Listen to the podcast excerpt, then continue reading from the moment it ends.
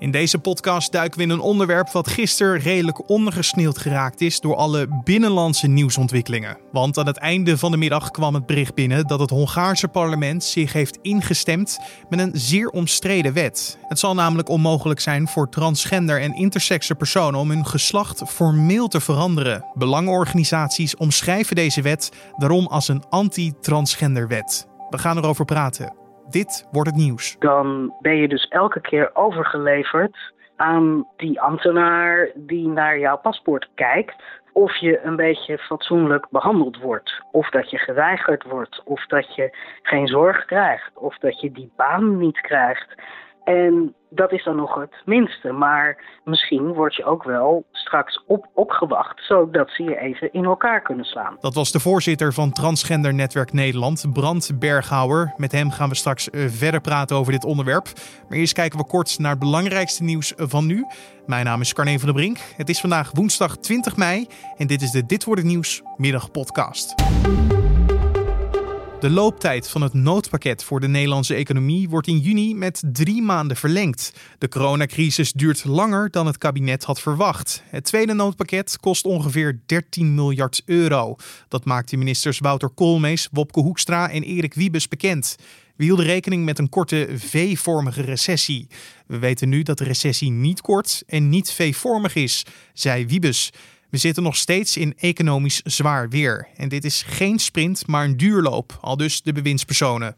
Wat er allemaal in het noodpakket staat en wat het betekent, is eigenlijk te veel om eh, zomaar op te noemen. Daarom kan je in de podcastbeschrijving een link vinden naar een samenvatting van het pakket. Om een eind te maken aan de onduidelijkheid over bijeenkomsten die na de aankondiging van de versoepeling van de coronamaatregelen is ontstaan, verduidelijkte premier Mark Rutte vandaag dat het vanaf 1 juni is toegestaan om met meer dan twee anderen samen te komen. Iedereen houdt zich dan wel aan de anderhalf meter afstand. Alle andere beperkingen zijn eraf, al dus Rutte. Dit betekent dat het weer is toegestaan om met meer dan drie personen naar het park te gaan. Ook examenfeestjes zijn toegestaan, mits er anderhalf meter afstand wordt gehouden. En bij overlast wordt er gehandhaafd, voegde de premier eraan toe. Het huidige neerslagtekort is inmiddels groter dan het tekort in mei 1976, wat het droogste jaar ooit gemeten was. Dat staat in de droogtemonitor die de Landelijke Coördinatiecommissie Waterverdeling heeft uitgebracht. Het huidige neerslagtekort bedraagt 120 milliliter. Dit betekent echter nog niet dat 2020 het droogste jaar ooit wordt. Het neerslagtekort wordt vanaf april tot en met september bijgehouden en kan dus nog kleiner of groter worden. In 1976 liep het neerslagtekort op tot 361 milliliter. Daar zit het huidige tekort dus nog ver onder, maar halverwege mei was dus het neerslagtekort in 1976 dus kleiner dan het huidige tekort.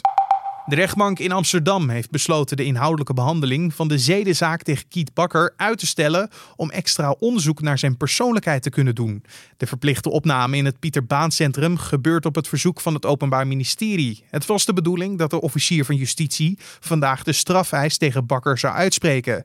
De verslavingsdeskundige wordt verdacht van seksueel misbruik van een destijds minderjarig meisje en het ondanks een beroepsverbod behandelen van vijf personen. In 2012 is Bakker ook al veroordeeld voor seksueel misbruik van vier minderjarige meisjes en drie vrouwen. Al die slachtoffers werden door hem behandeld.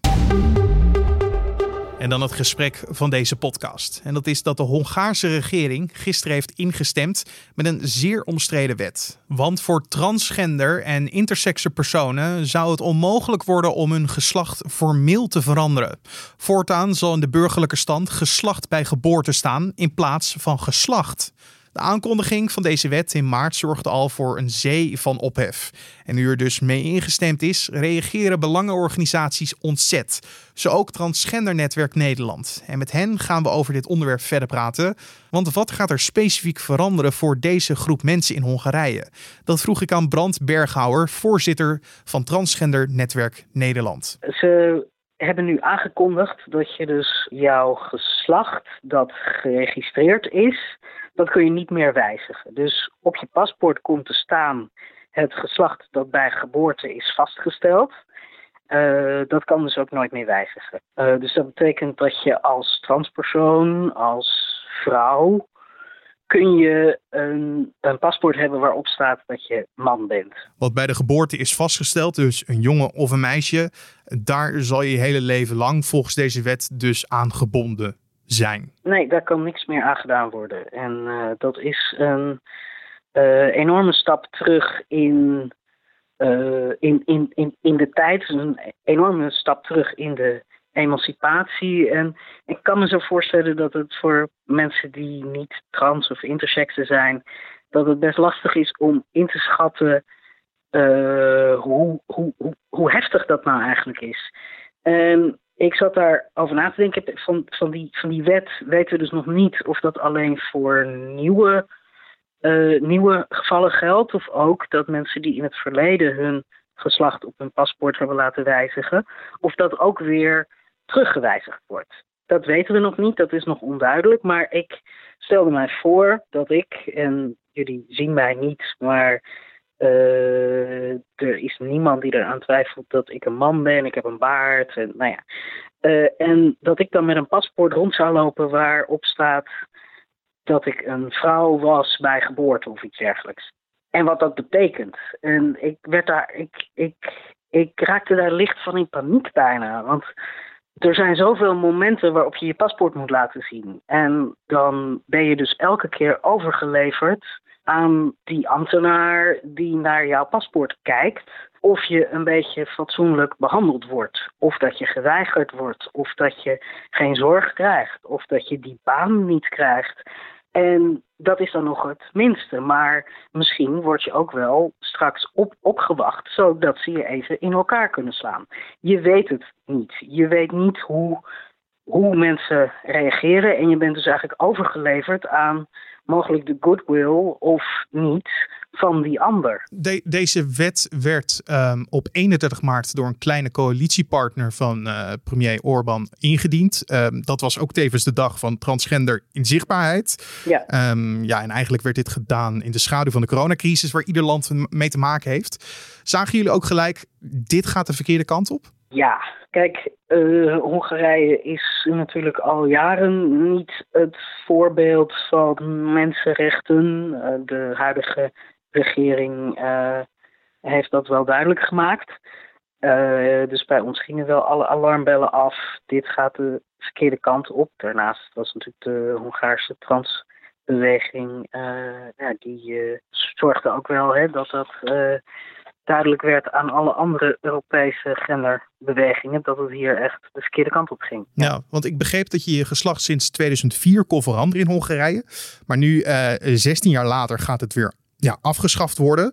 En heeft dat dan met een nieuwe politieke stroming te maken? Of, of dat ze het zagen als een proefperiode van 16 jaar? Hoe komt het dat er dan nu weer die veranderslag in komt? Ja, nou ja, goed. Ik ben geen expert op het gebied van Hongaarse politiek. Maar wat ik natuurlijk zie is, is dat ze op allerlei fronten mensenrechten terugdraaien. En daar is de transbeweging en de LHBTI in brede zin een heel duidelijk voorbeeld van. En als we dan voor deze wet kijken, dus een aantal jaren daarvoor, hoe was het toen gesteld met het kwaliteit van leven um, voor de LHBTI-gemeenschap? Er is uh, vorige week kwam uh, een Europese organisatie uit met een onderzoek naar uh, de stand van LHBTI in Europa. En nou heb ik de exacte cijfers voor Hongarije niet paraat. Maar wat een duidelijk beeld was, was dat transgender personen in Europa een, een, een, duidelijk mindere kwaliteit van leven rapporteren dan uh, niet-LHBTI mensen. Nederland scoorde uh, nog het beste. In Nederland geven transpersonen hun, kwaliteit van leven een 6,5 ten opzichte van een 7,8 voor de algemene bevolking en een 7,1 dacht ik voor de uh, LHBTI'ers. Uh, en die 6,5, dat is dus maar een magere voldoende, was het hoogste cijfer binnen Europa. Ja, en het cijfer voor Hongarije zal zeker niet opgekrikt worden door deze nieuwe wet en de ophef hieromheen. Um, het gaat dus om discriminatie en mogelijk geweld wat hierdoor kan ontstaan. Om het nog maar even te herhalen. En maken jullie je dan ook echt zorgen over de toekomst van de LHBTI'ers in Hongarije en hoe hun toekomst eruit gaat zien? Nou ja, helaas kunnen we daar best wel, hebben we daar wel een beeld van. Uh, ik bedoel, wij zien nu binnen Europa dat zo'n 40% van de trans mensen al aangeeft dat ze op het werk in, in aanraking komen met discriminatie. Uh, je kunt ervan uitgaan dat dat een hoger cijfer wordt voor de mensen in Hongarije. Als je ziet dat uh, meer dan de helft van de transpersonen in landen waar de wetgeving nog best oké is, toch met, met geweld en uitsluiting te maken hebben op minstens maandelijkse basis, dan kun je ervan uitgaan dat dat, uh, dat, dat alleen maar erger wordt. En kijk, als je hier in Nederland met uitsluiting te maken krijgt, dan heb je in ieder geval nog een wetgever, dan heb je een overheid die in principe achter je staat. In Hongarije heb je dat niet meer. Je bent gewoon overgeleverd aan de nukken van anderen. Maar zouden ze nog gesteund kunnen worden door een internationaal optreden, een tegenactie zo gezegd? Wij roepen in ieder geval uh, zowel het Europees Parlement als de Nederlandse regering op om alle stappen die maar nodig zijn te, te, te nemen om deze wet uh, te stoppen. Uh, ik begreep vanuit het Europarlement dat ze een beetje door hun instrumenten heen zijn. Heen zijn. Dat vind ik al heel zorgelijk. Uh, maar dat het nu dus uh, met name ligt bij de regeringsleiders. Dus Mark Rutte moet nu gewoon eventjes zijn nou, met een ferme klap op tafel en nu is het klaar. Dit kan niet. En dan alleen al om het beeld te geven van Nederland staat hier niet achter en herkent zich hier totaal niet in? Absoluut, absoluut. En de, de Hongaarse transgemeenschap heeft een internationale petitie en iedere Nederlandse burger zou ik zeggen, ga daar alsjeblieft heen en teken die. En uh, nou ja, laat, laat zien dat je dit ook niet acceptabel vindt. En waar kunnen we die uh, petitie vinden? Uh, die kun je vinden via de socials van COC Nederland, Transgender Netwerk Nederland of de NNID. Dat is de Stichting voor seksendiversiteit in Nederland. En die gaat dus over de intersexe mensen. En misschien wil jij het linkje ook nog wel in de show notes zetten. Daarvoor ga ik zeker mijn best doen. Maar dan wil ik je nog wel één vraag stellen om af te sluiten.